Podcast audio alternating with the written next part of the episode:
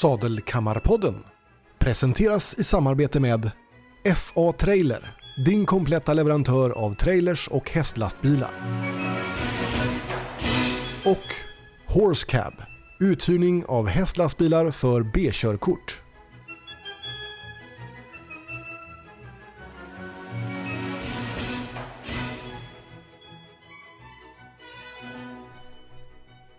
Hej och välkomna till Sadelkammarpodden. Idag har vi ett extra intressant program för min kära fru. Mm. För att eh, det här är en av hennes stora inspirationskällor som vi har med oss idag. Ska du ta introduktionen kanske Sofia?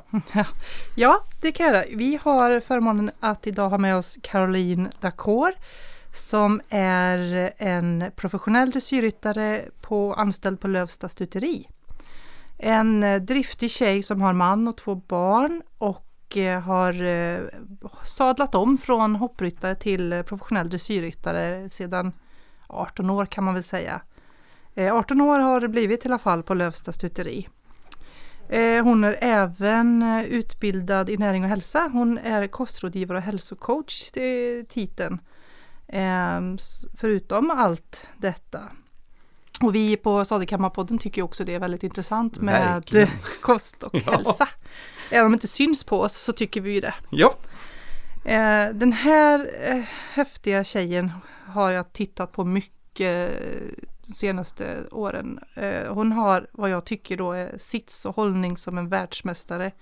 Och en lyhördhet för hästen och mjuk och balanserad i handen. Sånt som är underbart inspirerande för mig och många andra att se på.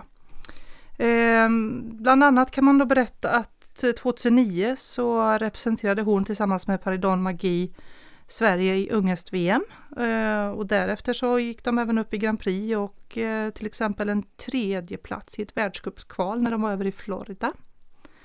Ehm, Caroline eh, gillar mycket att jobba med unga hästar. Ehm, nu har det blivit lite mer äldre men gillar utmaningar och inte rädd för pigga och lite känsliga hästar. De tycker oftast att det är roligt. Eh, det här blev en lång introduktion. Är du med oss Caroline? Välkommen! Ja, välkommen! Ja, jag är kvar. det blev en av de längsta introduktionerna men jag, jag bara var tvungen att få... Du, du, du gör mycket och eh, har lyckats göra mycket. Jag var tvungen att få sätta ihop det så här. ja, men det var härligt. Väldigt fina ord.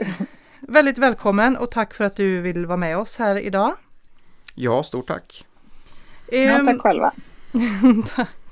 Vi brukar ofta börja för tycker det är så intressant att veta hur, hur det började med häst för just dig.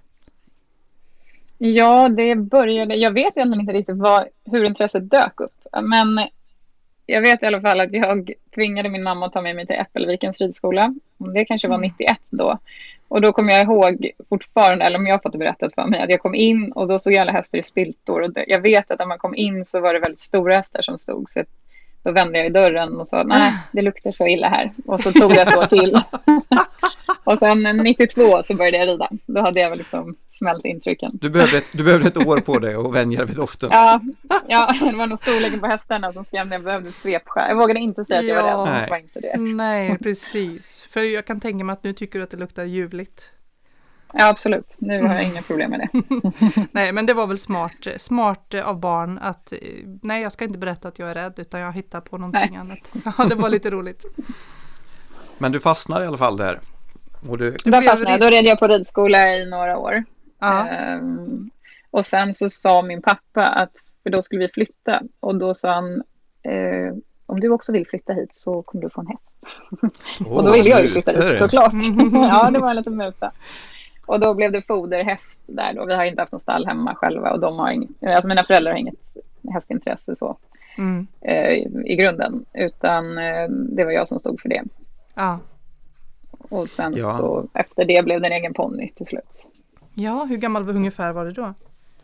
Eh, jag gick i sexan eller sjuan eller om jag precis skulle börja sjuan. Så mm. då fick jag ha den hos eh, några kompisar som hade stall hemma. Ja. Så det var en sån här idyllisk eh, ponnytid. Ja, det var det absolut. Ja. Vi hade jättekul. Det var ju hoppponny då. Ja. Eh, dock var eller jag ska inte säga att den var så idyllisk, för min ponny den eh, hoppade mm. jättefint och högt på träning, men på tävling så stannade den så här, några meter mm. innan hindret. Ah, eh, så det var, var det inte många helt på enkelt. den. Ja, det var lite så. Hoppa fint på framhoppningen också, men sen ja. inne på banan ville den inte. Men ibland är man proffs på framridningen, så är det. Ja, nej, men det var jag absolut. Ja. det var min grej. Men du gav inte upp ändå då, märker vi ju. Nej, det kämpades på där ett tag. Men sen ja. hade jag några perioder som jag inte red. Och sen så saknade jag så mycket och då började jag jobba hos de som jag hade tränat för när jag hade ponnyn. Sia mm. Tenggren och Ulf Lind. Eh, mm. och där Sia var hoppryttare och Uffe var dressyrryttare.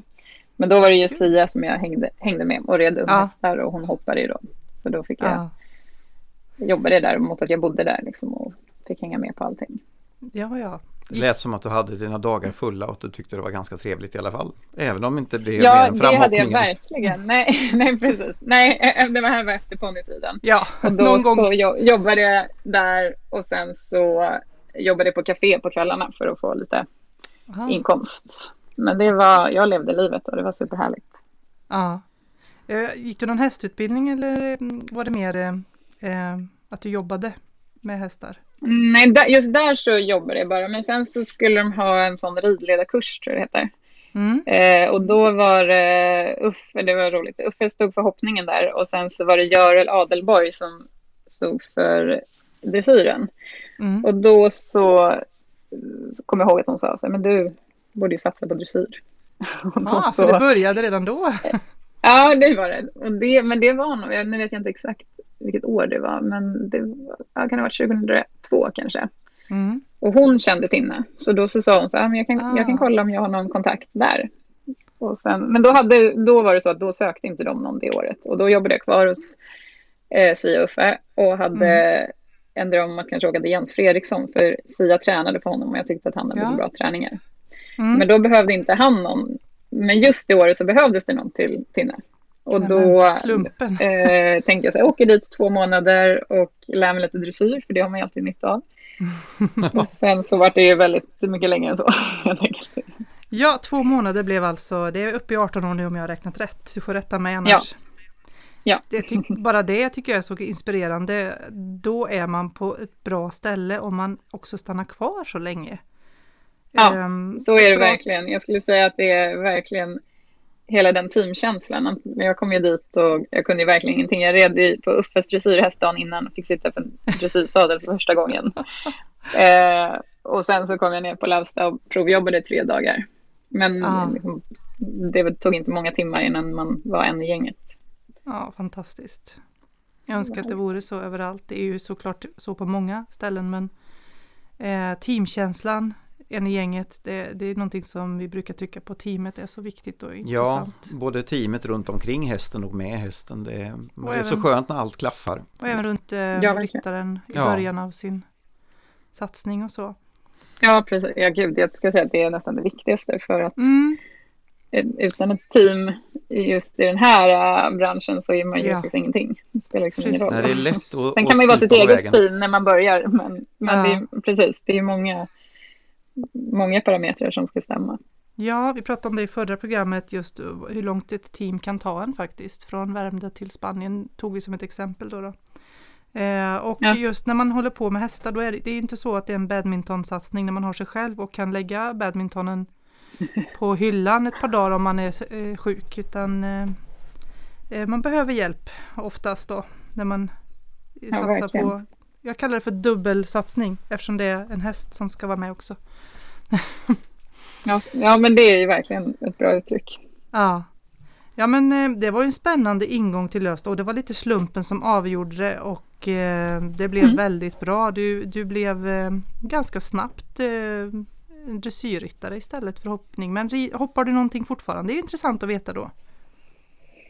Nu skulle jag säga ytterst lite, men ja. jag skulle gärna göra det mer. Men där kanske tidsbristen ja. lite då skulle jag nog behöva en hopphäst om det skulle vara så ja. Dressyrhästarna hoppar vi på lite här. Mm. Men det är inte riktigt samma sak som att ha en hopphäst. Nej, du kallar kanske inte det hoppning riktigt då? Att ni gymnastikhoppar Nej, lite grann alltså, jag skulle kunna säga att jag hoppade Kane lite, men det var väl liksom 50 centimeter max. Som vi Men det, få in lite mångsidighet ja. i alla fall i träningen. Ja, absolut. Det blir. Jag har gjort lite samma, eh, jag har inte alls gjort samma resa, men jag har varit hoppryttare och är mest dressyrryttare nu, så ska vi säga. Ja. Och jag, tycker att, jag börjar tycka att 50 centimeter inte är så litet längre. Nej, men det var väl det jag kände också lite här. ja. Sen är det, med åldern så inser man att det gör ont att landa på marken. Ja, eller hur. Det kan vara det också. Ja. Hur tyckte du, eh, var det svårt tyckte du att byta från det otroliga fokus du hade på hoppning till att sen göra den här stora satsningen på dressyr? För det, det var en... mm, jag tror så att det jag... För det första så var det ju liksom att vara en i gänget. Sen tror jag att jag var ju liksom ingen... Alltså jag hade inga framgångar som hoppryttare. Det var inte så att jag hade ett liksom lämnade ett liv bakom mig, utan jag red ju unghästar och hoppade mm. det som jag fick hoppa på. Och så. Mm. Eh, så jag tror att känna att man var en i gänget och jag fyllde en funktion här också, för det fanns ingen som red in hästarna bland annat. Så jag red in de ja. hästarna vi hade då precis i början och, och kunde göra lite allt, liksom allsidigt med dem. Mm. Och då tror jag att jag liksom kände ganska snabbt att, att det här kan man ju också göra, liksom, att det var roligt. Och jag hade nog inte så mycket insikt i dressyren innan heller. Så jag, liksom. Det var nog bara att jag hade valt hoppningen, men jag hade inte så mycket koll på dressyren. Men eh, just det här med att utbilda och utveckla och bara liksom, samspel med hästar är väl det som har egentligen intresserat mig från första början. Mm. Och då, det var ju egentligen inte så stor skillnad. Nej, och sen hade jag faktiskt möjligheten då att Antonia, sina dotter, hade en hopphäst som jag red in, som var en av de första jag red in. Ja. Och den fick jag ha kvar lite, för hon bodde utomlands då, så då mm. kunde jag tävla lite på den i början. Och ja. det var ju roligt. Men sen det blev en mjuk övergång ändå. Den och det blev, ja precis, jag fick lite, ja. jag hade lite kvar. ja, och sen eh, var det kanske så att du ganska omgående fick träning för de som var på Lövsta bland annat Tinne Wilhelmsson. Exakt. Och eh, jag kan ju då sätta mig in i att då är ju valet jättelätt helt plötsligt när man får ja. den coachningen. ja, ja, ja, gud ja. Ja. Och då jobbade jag även tillsammans med eh, Jenny Larsson som hon driver eget nu, men vi jobbade i många år. Mm. Och hon var väldigt så stöttande och peppig och fick en att tro att man kunde lyckas även i, i för mig i dressyren. För det kändes mm. ju som att man hade liksom ljusår att gå då man bytte gren. Ja. Men sen så, nej men, lite pepp från många. Ja, det behövs ju den här känslan att faktiskt ingenting är omöjligt för att man ska kunna nå nej, exakt. hela vägen. Ja. Det, Nej, om man inte vet det själv riktigt så, så kanske man behöver någon som liksom tror på en eller peppar en lite. Så då kanske man vågar tro på sig själv. Ja, också. det är jätteviktigt. Det... Ja, jantelagen mm. är ju ganska stark annars i landet men eh, det är väl i världen. Men eh, det är skönt som sagt var den peppen, det behövs. Ja, verkligen. Ja, verkligen. Och har du hunnit, det är gått, jag förstår att det rullar på väldigt mycket, eh, men har du hunnit ta en mental halvhalt och insett wow vad, vad, vad mycket jag har gjort redan, vad, hur långt jag har kommit? Ja, det är väl det man är mindre bra på mm. kanske. Men samtidigt så har jag nog reflekterat över det. Och, eh, min man håller också på med hästar så vi pratar ju såklart mycket häst hemma. Men ja, han är också liksom hållit på, han höll ju på med hoppning och så, men han har ju haft en inblick i hur det är att, att satsa mot toppen och vara liksom, både mentalt ja. och svårigheter och sånt. Så det är ganska skönt att kunna bolla om det, ja men ibland om man känner sig lite nere eller liksom mm. reflektera tillsammans med någon annan, då blir det lite tydligare tycker jag. Ja, verkligen. När man säger saker högt så blir det mer på riktigt. Ja, ja ibland så är det viktigt att få fram det. Mm. Ja. Och också att få det affirmerat av eh, en partner eller de övriga omkring en. Ja, det är okej okay om vi presenterar din man lite grann för det är ju ganska ja, intressant. Absolut. Ja, Ja. Um, nu tappade jag hans förnamn faktiskt. Jag vet ju det egentligen. Um, han heter Florian Dacour. Ja, det uttalas Florian, absolut ja. inte så på franska. Men nu pratar Nej. vi inte franska i den här podden så det är tur det. Mm. Det är väldigt bra. ja, det är väldigt bra. Ja, jag har ju sett hans Instagram och då heter han Dacour Training, inte så? Ja, exakt. Mm, mm. Ja, han kommer från Belgien men har mm. bott många år i, utomlands och bott i Tyskland i många år där han jobbade hos Marcus Ening. Ja, ja. Och sen flyttade han hit för kan det vara 11 år sedan nu? 12 år sedan nu. Mm. Ja. Som andra ord har han lärt sig eh, flytande svenska vid det här laget. Ja, men nu har han faktiskt det. Men det mm. tog ett tag. Men nu, eh, nu pratar vi, eller vi pratar så mycket blandat här hemma så att jag ja. att vi pratar bara svenska. Men han pratar svenska med alla kunder. Han jobbar på mm. Lövsta också, men på seminstationen och är hingstansvarig där. Mm. Så då blir det mycket prat i telefonen med kunder och så. Så nu pratar han nog svenska med alla. Det är ganska imponerande för det, ja, det. det var Andreas var väl, du försökte vara ironisk där eller? Nej, det är inte så lätt 12 år. Att... Nej, det är svenskan är, är ett svårt språk. Ja, precis. Så att, eh, ja. det är liksom inte helt enkelt. Men Sen när man pratar alla språk hemma så det blir ju fantastiskt häftigt med barnen. De lär sig oftast ja. otroligt snabbt. Det ser vi i vår egen familj med Tia syster. Ja precis, min syster har um, flerspråkiga barn och uh, henne, mm. hennes man hade svårt att lära sig svenska men de bor tillbaks på Irland nu. Uh, men jag vet att jag har läst att ni har uh, ena, ena barnet, sonen, i no, en engelsk skola. Ja, Eller vad precis. säger man? Internationell skola, så kanske man säger. Ja, men det är den här internationella engelska skolan. Började mm. den på i höstas. Ja. Um, men det passar honom perfekt. Och där är ju mycket av undervisningen på engelska. Mm. Ja, det... Ja, det, är, det är häftigt som sagt var. Barn som får växa upp med flera språk, hur, vad de snappar upp och hur fort det går. Ja, ja man önskar ju att man hade gjort det själv. Ja, det är som enklast. Allting är som enklast när man är ung. Eh, och där, nu är vi då tillbaka till eh, att du red mycket unghästar och mycket hopphästar och därav en stabil eh, balans och så, tänker jag. Eh, förmodligen, för, för eller också är det att du har nu då börjat med mycket egen träning. Du har ju en stark core, eh, eller bålstabilitet som vi säger. Eh, det syns mm. ju väldigt väl. Ehm, du har ehm, tränat en hel del på eget. Eh, avsuttet säger man ju, försöker hitta den ja. svenska termen. Jo men det har jag absolut mer än att träna ingenting. Men jag ska inte säga att jag är eh, jag skojar ibland att jag är så här förklädd soffpotatis för jag ser också väldigt vältränad ut. Det tror jag beror på bra, bra gener. Oh, eh, bra, du har lyckats väl i lotteriet. Bra hingstval brukar jag säga. ja, det måste ha varit det. Mm. Nej, men jag tränar, jag tränar absolut, men jag tränar kanske, det är väl kanske det jag önskar att jag skulle göra mer av. Att jag mm, har svårt att få till. Sen har jag haft förmånen att träna för en eh, PT, Linda mm. Hemmingsson, som är på Lövsta. Ja. Och då har jag tränat för henne två dagar i veckan. Och sen ja. försöker jag få till en eller två gånger till utöver det. Det är inte dåligt. Nej, Nej men, det är väl där jag är sämst på att prioritera. När den här ja, övriga, men... Det är tur att jag har de där två gångerna känner jag. Ja, de är inbokade, det går liksom inte att skjuta på ja, dem. Det, nej, exakt. men du har ju väldigt mycket vunnit med kosten, att du har eh, den kunskapen och det engagemanget i kosten istället också kan tänka mig. Så där ligger mm. nog mycket grund för att du faktiskt får gratis lite grann träningsmässigt ja, också. Ja, precis. Vi som gillar eh, kost och nära eh, näring, vi har ju följt eh, även dig på Instagram. Då heter det Smoothies and Stuff. Smoothies and Stuff, ja, ja. precis. Och vi har alltså, gjort massa goda smoothies från dina recept. Japp. Ja, ja. ja. ja. Så att, Härligt. Det var så det började med smoothiesarna i familjen när vi tog in det. Sofia ja. hittade dina recept så att ja, nu ska vi få smoothies men sen nu. blev det bara gott så att eh, det var ju ja. det var ingenting korten. jag tänkt innan. Ja. Nu lägger vi korten på bordet. Det som inspirerade mest var att du skrev det, hur man kan lura i ett barn eh, spenat, eh, något sånt här skrev du och jag bara yes, nu får vi fel. Yes. Ja, det var spenat. faktiskt så när Hulken-smoothien kom till att ja. jag lurade i Max att det blev man stark som Hulken.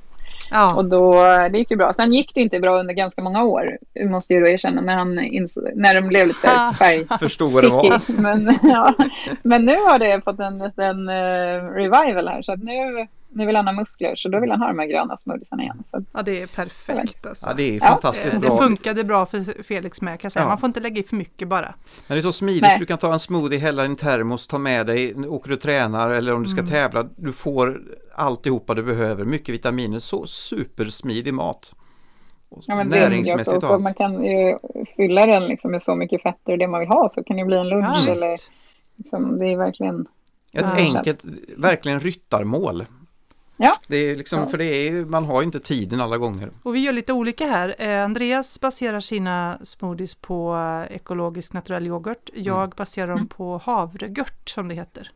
Ah, ja, ja. Eh, men alltså det blir jättegott oavsett vilket ja. man tar tycker jag. Oh ja. Mm. ja. Men det, som du säger, okay. spenat och allt möjligt roligt som kan komma i och det är, alltså tar man bären och alltihopa, det blir ju en, en riktigt smaskigt eh, mellanmål som till och med sonen får i sig utan ja, att tänka för mycket på det. Han tycker ju det är som en efterrätt nästan. Ja. Ja, men man känner sig som också världens smartaste förälder när man ja. ser dem sörpla i sig avokado, blomkål och ja. bara åh, Jag brukar köra just, för kör man en kall så blir det ju lite grann som en milkshake istället så då kan man ja, ju liksom, och, Så det måste ju inte vara uh, rumstempererat. Det gör vi också olika. Jag, eh, kinesiska har, mer. Ja, jag kör det här kinesiska tänket att magen vill ha varmt så att jag kör lite varmt. Det tycker inte Rasmus och Andreas och Felix om och Oliver. Så att de kör det kalla och kör, kör lite milkshake style. Ja. så man kan göra olika där med. Ja men helt det, klart. Det är bara att värma bären ja. eller hålla dem frysta. Fast det är inte att du kör den varm men den är i alla fall. Nej, rumstempererad så. Ja. Eh, men vi kan, alltså, vi kan ju då tipsa om man nu blir intresserad av det vi pratar om att eh, på ditt Instagram Smoothies and Stuff finns det mm, lite inspiration och lite recept också, eller hur? Ja, absolut. Jag försöker lägga upp där så kontinuerligt jag kan. Det blir ja. perioder mer eller mindre, men, men, det, det, ligger mycket recept redan. Ja, man får förståelse för att du har ett, ett stort liv utöver så att det kan ju inte vara eh, prio på, på allting, eller hur? För då håller du Nej, inte... men man vill ju gärna hålla det. Det är ju mm. ambitionen i det i alla fall. Ja. Men vi ska försöka komma ihåg att länka också till, från hemsidan där, man kan, där vi kommer lägga upp lite mer information. Mm. För jag har ju en liten matdel där som är under uppbyggnad där det ska bli lite Precis. inspiration och så med. Men det kom, har haltat lite grann i gångstartet så att podden har tagit överhand men vi kommer att komma att lägga upp vloggande och så där med lite recept och sånt. Ja, kul! Ja, det är ju tanken att vi ska ha mer eh, näring och mer mat bara helt ja. enkelt så. Hälsa som för, för, ryttaren också liksom, och helhetstänket mm. vill vi visa. Mm. Spännande, jag var inne och kikade där men jag såg att det var Ja, det var ja, corona inte som kom emellan. men det kanske kommer. Nej. Ja, jag förstår. Ja. ja, nej, jag, det var vi skulle spela in så hamnade jag i och blev heldäckad. Så jag är borta nästan en månad. Mm. Så att eh, det, då kastade de omkull planerna för oss. Men eh, ja. det kommer. Vi kommer ju efter, ja. kom ju efter i allting då. Ja. I ditt eh, vanliga jobb och med annat också så. Så att det, det blev... Jag är tacksam att vara frisk. Så Precis. Att, ja, och, exakt. Och under vaccination så att det känns bra. Mm. Ja, skönt.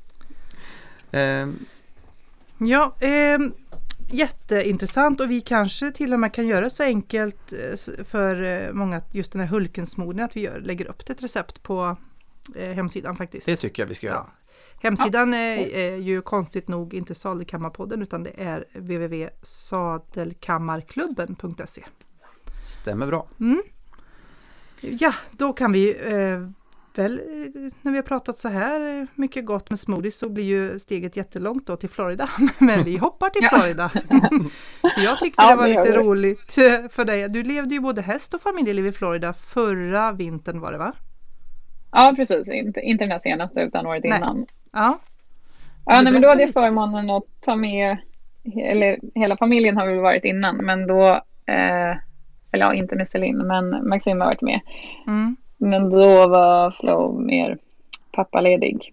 Men det här året så jobbade han också, men på distans.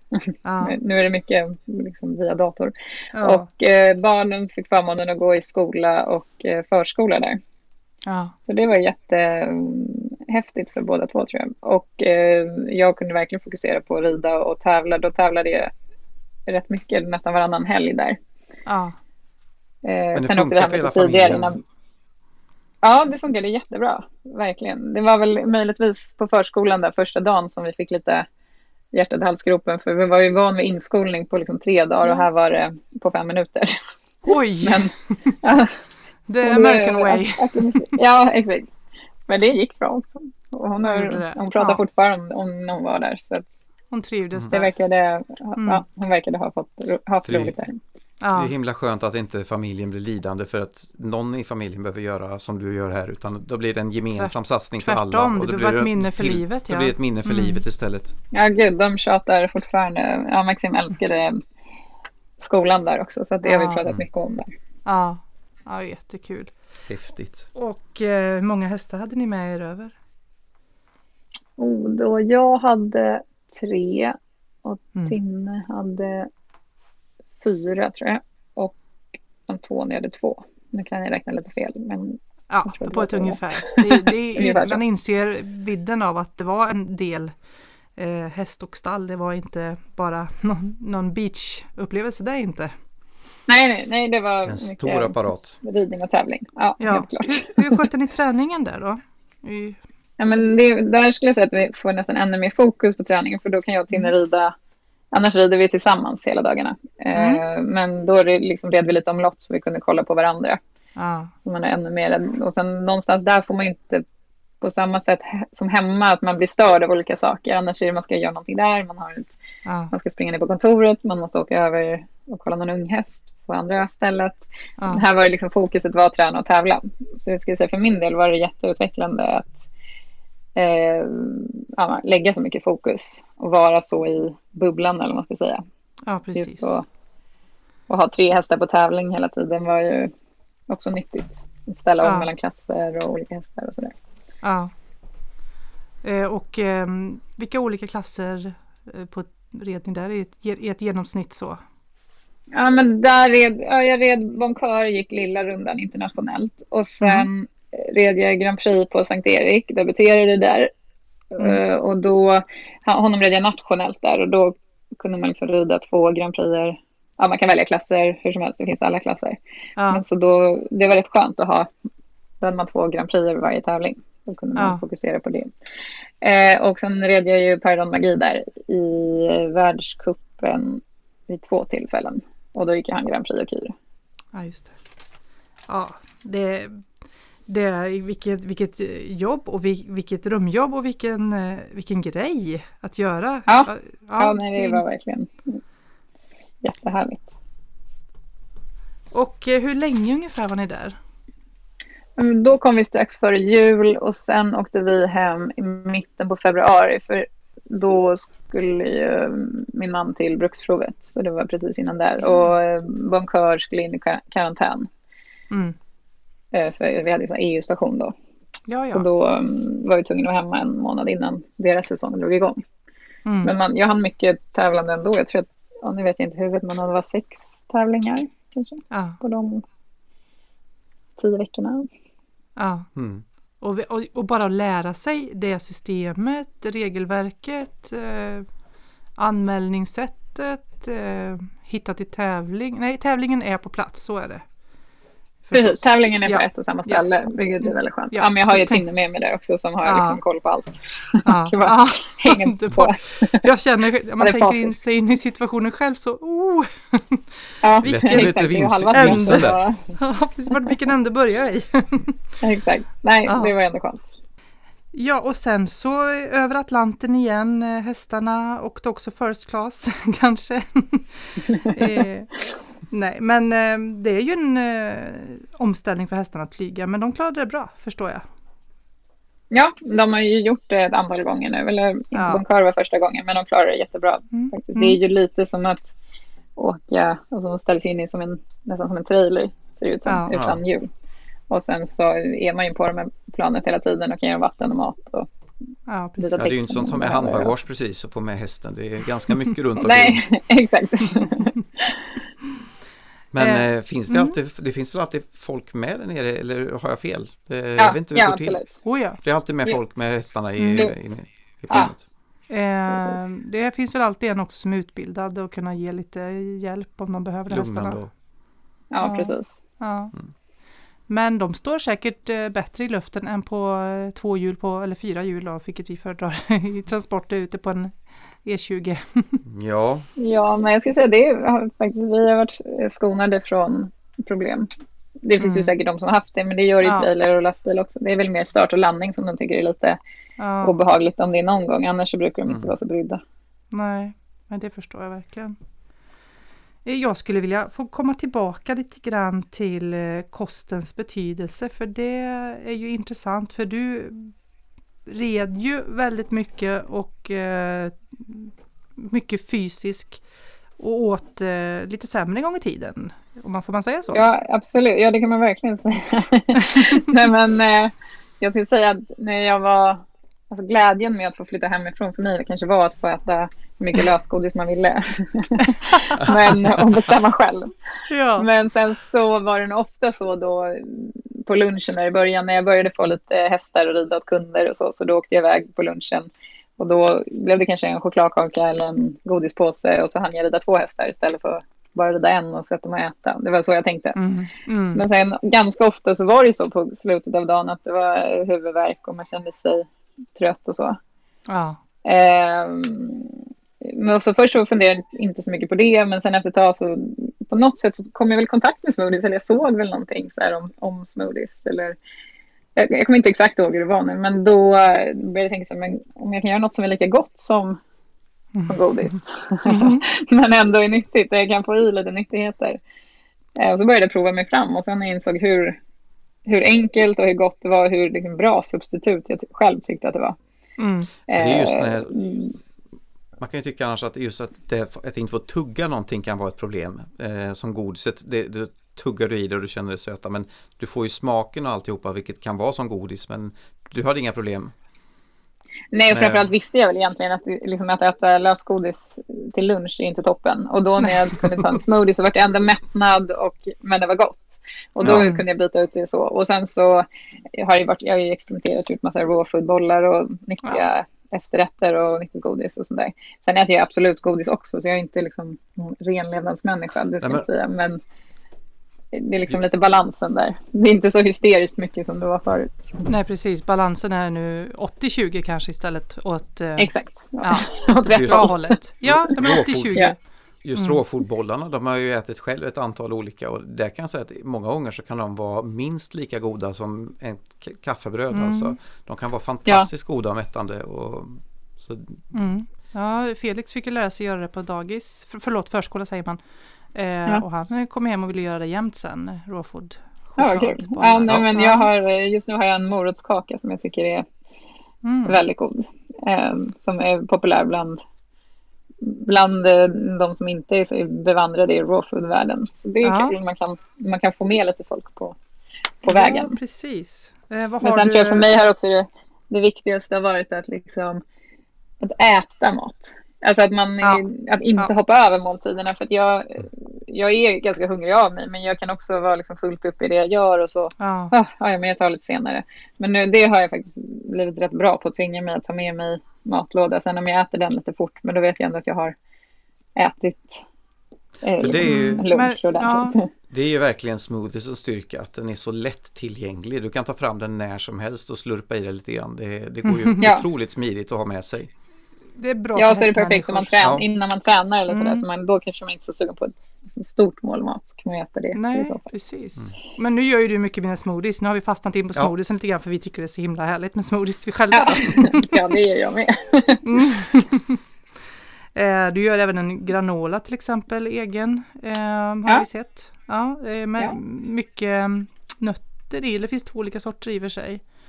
Ja, den jag är som storfavorit. Jag har ju gjort och sålt lite och den storfavoriten är den eh, med nötter i. Det är den jag mm. själv äter hela tiden också. Men, men jag skulle säga också att just den här eh, att ha en liten, det krävs inte så mycket, men att göra lite planering över vad man ska äta i veckan och liksom mm. på dagen. Mm. Och att kanske göra lite, för att göra det enklare för sig, förbereda lite, lite meal prep och ha i kylskåpet. Ja, koka en stor, istället för att koka en portion ris, koka sex portioner ris och ha en låda. Ja så, små enkla grejer som gör vardagen lite lättare gör ju att man Alltså då är det inte svårt att göra bra val. Det är svårt att göra bra val när man är för trött, man inte orkar, man inte har tid, mm. man är vrålhungrig just liksom för att man har hoppat över något målmat. Då är det svårare och göra de bra valen. Precis. Just som i ditt fall Sofia så tycker du, mm. du älskar ju att ha en skriven plan. Eller vad som ska vara. För att när, precis som du säger Karolina, att när man är trött, det är svårt att göra rätt val då. Men om du åtminstone har gjort en plan med vad du ska ha eller så att det finns hemma så är det ju så mycket enklare att få i sig någonting vettigt. Men alltså till hästarna har jag ju en skriven plan. Så att, ja. varför inte till människorna? Ja. Ja, det är skillnad för en annan som går liksom och tittar vad finns i skafferiet och sen så går min hjärna på högvarv och så fixar jag någonting. Ja men, men du tycker att det är roligt. Jag tycker att det är roligt. Det tycker med. inte jag. Nej, och då blir det att när man är trött och är lite hungrig och grinig så ja, då är det lätt att göra fel val. Ja, exakt. Nej men det tycker jag är ett väldigt bra tips från dig Caroline att um, det, det, blir så mycket enklare om man har förberett lite grann. Det behöver inte vara en jätteförberedelse utan bara en, en genomtanke och en liten prep så blir allting mycket enklare och sen blir det på rutin. Som du sa förut. Ja men så är det verkligen. Sen måste jag säga, jag, jag liksom, när, jag, när jag gör så då blir det alltid bra. Mm. Men det är inte alltid, liksom, det är fler, flera veckor när inte det händer. Men det som jag verkligen rekommenderar är också att skriva så här, en middagsplan för veckan. För det ah. har jag insett att när jag gör det, för annars den vanligaste frågan är vad ska vi äta idag? Vad ska ja, äta precis, idag? Precis. Vad tycker du? Ja, och den är alla i familjen så rätt trötta på. Så när vi har haft, gjort en plan, och den kan man göra, om man har barn så är det kul att göra gemensamt. Att alla väljer en ja. dag eller något sånt där. Ja. Eh, då har man något att luta sig på. Då behöver man liksom inte lägga så mycket tid och energi till att fundera på just det. Precis. är, är det en högoddsare att säga att tacos kommer med i bilden på någon, någon dag i veckan? Ja, det kan man absolut säga.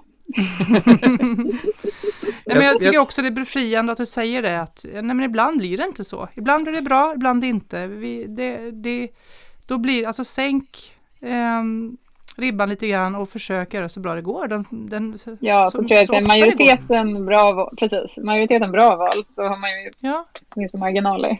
Mm. Ja, precis. Men jag är lite nyfiken på en sak och jag vet inte om du kommer ihåg det själv men hur märkte du själv när du väl la om kosten att det blev liksom en, ett resultat i ridningen för dig som blev bättre och att humöret, orken och alltihopa. Kommer du ihåg övergången eller var det bara att den kom smygande på sig? Men jag skulle säga att det var, alltså energin och det här med huvudvärken, det var ju en stor eh, skillnad. Att jag liksom mådde bättre. Men sen tror jag också att liksom, jag tyckte det var kul och blev lite boostad av att göra det och inspirerad och liksom inspirerade mig själv av det. Och jag tror att det är minst lika viktigt. Så att, liksom, ja. mm.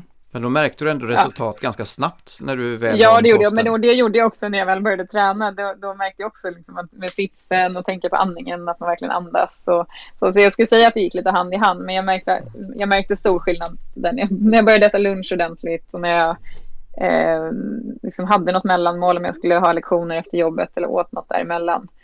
Mm. Och det tror jag mest var att den här, liksom, nu kan jag vara trött men det är av andra anledningar. Man har barn och kanske sover ja. mindre på natten. Och så.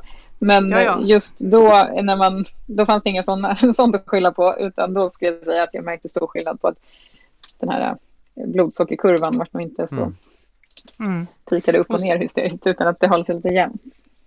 Och ja, sen, för det är väl ja, inte precis. någon småbarnsförälder eller förälder överhuvudtaget som inte har haft blodsockerfall. Det kan jag säga. eller, och eller hästmänniska. Eller hästmänniska. Som mockat.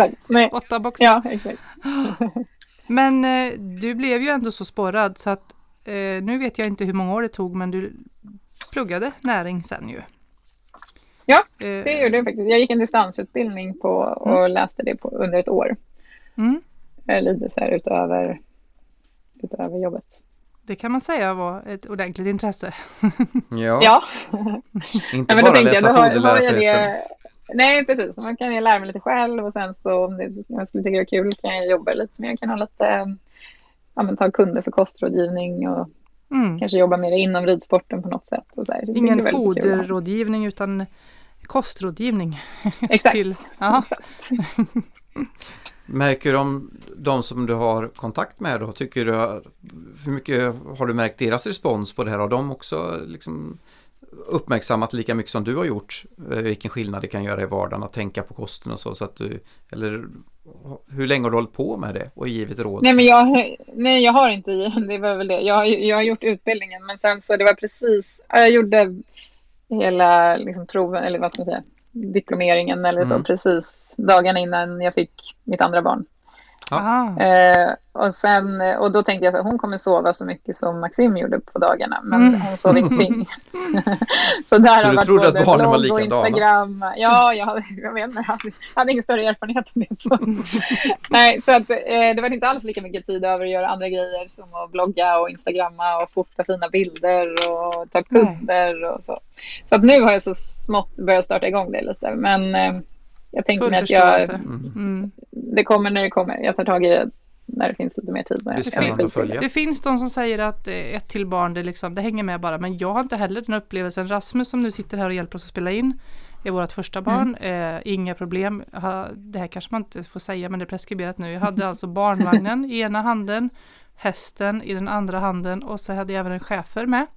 Och så gick ja. vi och värmde upp två kilometer och då var det lagom att han somnade gott och sen red jag på banan i en halvtimme.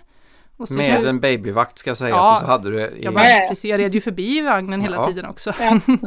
sen lagom till att gått där 30 minuter då började han sprattla lite i vagnen och då var det bara att hoppa av och så skritta två kilometer och så somnade han om gott. Ja. Barn nummer två Nej, då sprang ju Rasmus bredvid samtidigt. ja, den är lite svårare. Det var svårt med hund och sen barn åt ett håll. Och, och jag häst. tänkte att det här kommer väl gå lika bra. Uh, ja. Ja, nej men uh, Ja, du har ju gett mig eh, råd på, på distans, så att ja. det har du gjort i alla fall.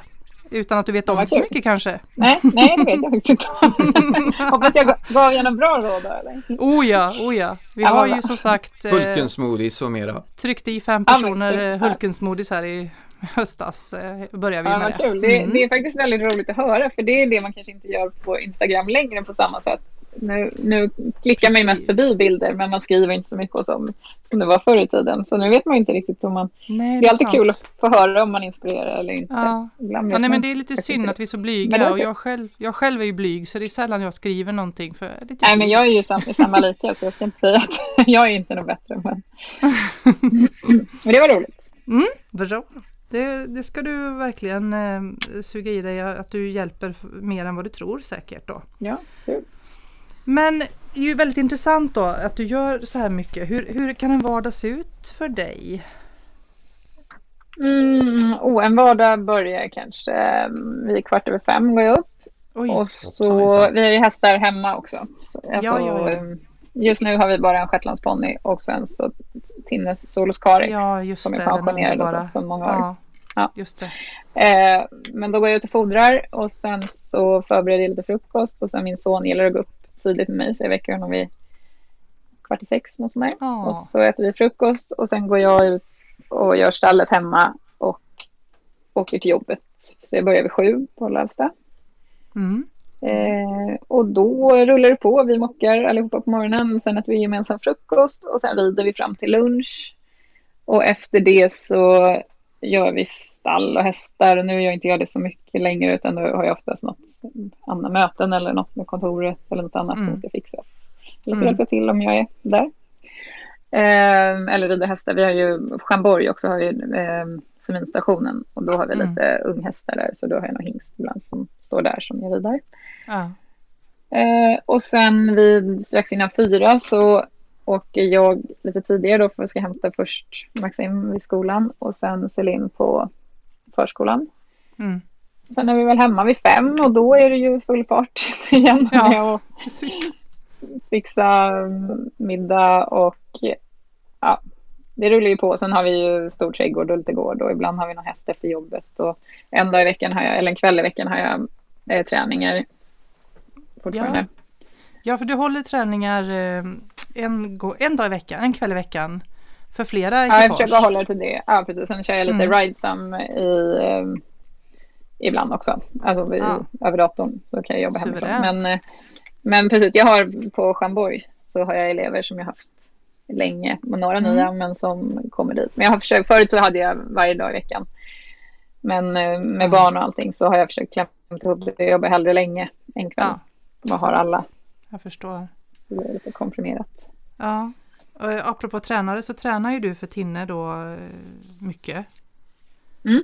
Eh, men även åker, åker till eller om Louise kommer, Nators kommer till er? Ja, Lussan brukar komma och träna Tinne nu har det varit en gång i veckan, men det är lite olika. Men mm. då brukar jag få hänga med på någon häst, vilket mm. är roligt. Och sen ja. så åker jag till Lussan ibland om det är så. Och sen kommer hon över där till Florida också. Då har hon ju varit ja, just det. lite längre tid.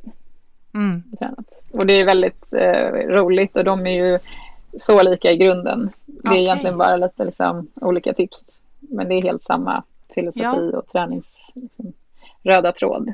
Perfekt, fast ändå lite det... nya ögon då. Så. Ja, precis. Det är mm. det, så är det ju alltid, liksom, att man ser olika saker. Så det mm. tycker jag är ett perfekt komplement. Eh, och eh, vad tycker du då? För nu tränar ju du andra lite grann och du har två tränare som tränar dig. Eh, har du några pedagogiska grundstolpar som är viktiga för dig eller någonting du har tänkt på? Nej, men för mig, alltså mitt absolut viktigaste är att man känner att, man liksom, att det är hästen framför allt. Att liksom mm. inte framgång eller ridpasset kommer på grund av liksom viljan mm. att vara bäst eller viljan. Alltså att någonstans måste det finnas den här ömsesidiga respekten för djuret och, och hästen. Ah. Och sen så för mig spelar det inte så stor roll. Jag har liksom hobbyryttare som eh, inte rider några högre klasser alls och sen är jag sådana som är jätteambitiösa, satsande eh, young riders eller juniorer. Och, liksom, för mig, det spelar inte så stor roll. Jag tänker ofta på det. Att det är liksom, mm. Bara det här kunna förmedla ridning och, och se folk liksom, ta till sig och kunna göra det själv och att de blir glada av det och tacksamma och när de gillar sina hästar. Det tycker jag är, oh. är det absolut. Alltså det är det som motiverar mig absolut mest. Det är underbart. Sen är det kul att vara med i någon som satsar och, och, ja, och vara en del av det också. Absolut. Det, ja. Men det ena tar ju inte ut andra. Nej, det... det, det, det så, Sen så tränar jag nog... Ja, förlåt. Nej, förlåt mig. nej, nej, nej, och sen så tränar jag nog ganska mycket som jag rider. Liksom att jag, eh, ofta så tänker jag när jag ger instruktioner så blir det lite så som jag själv hade gjort om jag satt på hästen. Det är bra. det låter lite mm. så, men liksom eh, så att det blir nog ganska lättillgänglig information. Ja, men det, du är precis, du hämtar ifrån dig själv också. Det tycker jag är intressant. Eh, För det, ibland går man in i en roll bara, men jag tycker att det är viktigt att man hämtar från sig själv och det man själv står för och det man själv liksom är van vid. Eh, men jag älskar ju det du säger, hästen först och att man tycker om sin häst. Vi hade Anneli Borg här, en duktig Grand Prix-ryttare också som jag tränar mm. för. Mm. Eh, eller tränade för i alla fall. Jag hoppas på att få göra det igen så fort jag och hästarna är friska ja, igen. Eh, och hon sa också precis det där. Viktigast är att man tycker om sin häst. Hon sa precis de orden också. Och att man... Jag tror verkligen det är det som liksom måste prägla en som ryttare om man ska lyckas och hålla på med det. Och det är väl det som är själva drivkraften hos en. Ja, och det är det som också gör det eh, det är svårt i den här sporten, försöker jag berätta för de journalister som man får chansen att prata med, om att här är det liksom två stycken som har gjort en prestation. Ja. Jag tänker på Jerringpriset för eh, som var lite omtalat. Ja, just det. Mm. för, för, oss eh, så är det ju så självklart att wow, vilken prestation! Här har man eh, haft en annan levande varelse som eh, man ska ha med på tåget. Ja, gud, vi vet ju hur svårt det är. Det vet ja, inte de andra. Nej, det är inte så lätt att veta. Det är ju så, man måste prova någons mockasiner innan man vet. Ja, exakt. Ja, ja. Ja men intressant vardag du har och återhämtning är också viktigt. Vad, har du, vad tycker du att du har för återhämtning? Ja, men jag skulle säga att det är nog att stå och experimentera i köket. Det är nog ja, mina... Misstänkte eh, det. Så. Nej, liksom, ibland så säger jag, men gud hur orkar du? Men det är typ min vila. Ja. När man har tid att stå och liksom hitta på nya rätter eller så. Och sen så hänga med barnen. Det är ju verkligen ja. också det är kanske inte alltid återhämtning, men det är ändå tillför energi. Själ, själslig återhämtning så. Exakt, mm, exakt. Mm. Det är eh, viktigt. Men det skulle jag eh, säga, jag skrev, jag skrev upp det också, att just mm. kostträning, när vi pratade om eh, det vad det har gjort för mig med kosten mm. och det, men just att det är viktigt att ha en balans där med kost, träning och återhämtning. Ja. För att ibland så ja, men tänker man, oh, gud, jag måste träna också. Men man kanske har ridit, den dagen kanske man ridit sju hästar eller man kanske ja. gjort det under flera dagar. I vanliga fall rider man fyra då, då har ju kroppen tagit lite stryk. Så då kanske inte just då man behöver gå och köra ett, ett liksom, tungt konditionspass utan kanske köra yoga istället. Att man lyssnar på kroppen lite. Ja, För det kan också bli rätt om man är en ambitiös person och tänker att jag måste äta bra och sen ska jag träna fem gånger i veckan. Mm. Ja, och sen sova, det får jag göra när jag är klar med allt det där. Och sen så känner man ändå inte att man får något resultat. Och oftast, jag tror att det är viktigt att ha den här balansen mellan ja. kost, träning och återhämtning och lyssna på, på kroppen. Att man eh, inte, alltså man behöver inte pusha sig de dagar man kanske redan Nej. har pushat sig. Utan det kan man göra den dagen när man känner sig jag är jätteglad att du säger det, för, för det glömmer vi bort ibland att poängtera hur viktigt det är. Eh, och just fysiologiskt så behöver muskler och andra organ vila för att bli starka. Det är ju så för ja, hästarna också. Och så vi inte bara har en lista att jag måste göra detta, detta, detta, detta, utan nej men Eh, passar det idag? Nej, det gjorde det kanske inte. Då får den listan ligga åt sidan idag faktiskt. Ja, ja och sen och behöver det inte alltid vara att man går och lägger sig och sover för att återhämta sig. Nej, det kan ju som sagt precis. vara att göra något helt annat. Eller liksom. och det var det som var så bra att du sa det. Vila för dig kan ju se olika ut för en annan. Eh, ja. För någon kanske vill eh, ta en lång promenad, någon vill stå i köket, någon vill se en Netflix-serie, någon vill yoga. Alltså, olika. Och här har du det som är så viktigt också som du nämnde tidigare att du ska lyssna på hästen för att även om du har en dag som du mm, orkar så, så, man ska få in att ni ska, ju, ni ska ju funka båda två och är det att den ena inte har energi så funkar det inte utan det kanske blir ett skrittpass mm. istället och att man får helt enkelt vara lyhörda för varandra. Jättebra sagt. Ja. Det är den här tvåsamheten igen mm. då som gör att vi måste tänka till lite extra. Precis. Ja, nej men så är det ju verkligen. Det går ju lätt att dra de här parallellerna egentligen. Alltså, må... Jag tycker ja, ofta om man, man tänker på sig själv och så tänker känner jag så är det klart att hästen kan känna så också. Man kanske får vara lite öppen för ja. de signalerna. Verkligen, det är, det, det är ju viktigt som bara den. Och du har ju faktiskt vunnit en riktigt fin titel, får vi säga det? Horsemanship. Jag kommer inte ihåg exakt vad titeln hette. Jag tror, jag, jag blev påminn om den här, jag hade faktiskt glömt bort det lite, men jag tror att den heter Champion of Honor om jag är inte helt säker. Wow. Är den är ju jättefin den eh, titeln. Eh, vill du berätta lite vad det stod för för dig? Ja, det var, vad heter det, jag hade faktiskt ingen aning om att den ens fanns. Utan vi var i Hamburg och tävlade och det gick inte så bra för mig i Grand Prix. Eh, det gick inte jättedåligt men det var, inte, liksom, det var ingen placering mm. i alla fall. Mm. Och sen så ringde någon till eh, Jossan, min kompis och hästskötare då. Och eh, började prata, hon, Jossan började prata på engelska och, och säga No, no, you must have the wrong number. My, uh, my, my rider was not that good. jag stod bredvid bara, Vad säger du? ja, nej, men och då så tar hon bara, hon på, nej men du har vunnit något pris. Jag vet inte, vad, någonting. Du ska komma upp på prisutdelning och det är presskonferens och Alltså vi förstod liksom ingenting och hon trodde som sagt att de drev med oss eller att det liksom hade tagit fel person. Men sen så visade det sig då att de hade något som heter Champion Honor som var sponsrad av Megle tror jag. Och eh, mm. det var olika deltävlingar där de bedömde eh, framridningen. Så att de kollade, de hade liksom om det var tre rytter, någon, jag kommer inte ihåg, en domare, en tränare och en tävlingsryttare. Mm. Tror jag det var som satt och kollade bland annat då på framridning, jag kommer inte ihåg alla punkter, men det var hur man planerade sin framridning liksom för hästens skull, att man lade pauser och, och, så. Och sen hur man betedde sig mot andra medtävlare eller mot vad man säger. Ja. de andra som tävlade, liksom hur man kanske gav dem... Hör ni mig? Ja, oh ja. Oh ja. ja. Vi blev alldeles eh, imponerade här. Ja. ja. och sen så hur man var mot sin eh, groom och hur man var mot sin häst och, ja, det var liksom lite olika. De hade kollat på en i stallet och på vägen till wow, Vilket jobb ändå. Aha. Ja, det var ett jättejobb hade de gjort. Men ja. vi hade ju som sagt inte märkt det där. Um, ja, då så vann jag det där på den deltävlingen. Och uh, det var liksom Hubertus Schmidt var tvåa tror jag, någon annan var trea. Så vi satt på presskonferens och jag, Nej, jag förstod ju nästan ingenting. Tyckte det var eh, lite pinsamt då. Eller inte pinsamt, jag var ju jätteglad för det. Men jag visste ja. inte, jag hade aldrig varit på en presskonferens. Så liksom allt Nej. var lite men sen så en tjej hemma i stallet som döpte det till mammapriset. Hon sa att eh, om jag hade varit mamma hade jag varit jättestolt om min dotter hade fått det. Så nu ja, kallar vi det för mammapriset. Mam när du vann mammapriset. Ja, ja, det eh, men det var kul för det var, ja, det var väldigt stort. Det kom liksom hoppryttare och liksom stora namn så här, och gratulerade för den här. Så wow. det var prestigefyllt där, men vi visste inte om det. Nej, ja. du fick snabblära bara... dig. snabblära. Ja, exakt. Ja. Men sen ah. åkte vi och så var det ju final sen i, i München. För det var om man hade ja, någon poäng. Jag vet inte hur det var. Men jag var i alla fall kvalat till den här finalen.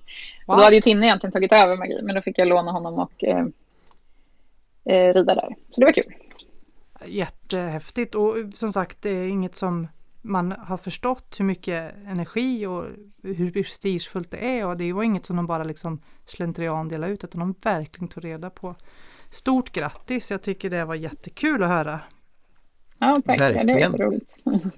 det blir ju en otroligt fin eh, roundup, säger man så? Ja, Samman ja. sammanfattning helt ja, enkelt. Ja, för det här underbara programmet med dig och eh, tack så jättemycket för allt vi har fått Verkligen höra. Verkligen stort tack. Ja, var... Tack själva, det var väldigt roligt att få vara med. Mm, tack, ja. och det ska bli kul att fortsätta följa dig. Verkligen. Hoppas på mer Ja, jag ska följa er nu också här. Ja, ja. Jag hoppas på recept här då. På, på... Nu då Andreas! Ja, nej, ja, det ligger faktiskt, det ligger mm. hela tiden och gnager på mig. Jag måste få till det här du nu. Du vill ju det också. Jag vill ju ja. verkligen det här, för det är någonting jag brinner för med. Så, ja, att, eh, så det kommer bli. Det kommer allt bli. Ja, kul! Tack så mycket till er som har lyssnat också och eh, allihopa nu har det gott. Ja, och på återhörande. Hej då! Hej då! Sadelkammarpodden presenterades i samarbete med FA Trailer, din kompletta leverantör av trailers och hästlastbilar. Och Horse Cab, uthyrning av hästlastbilar för B-körkort.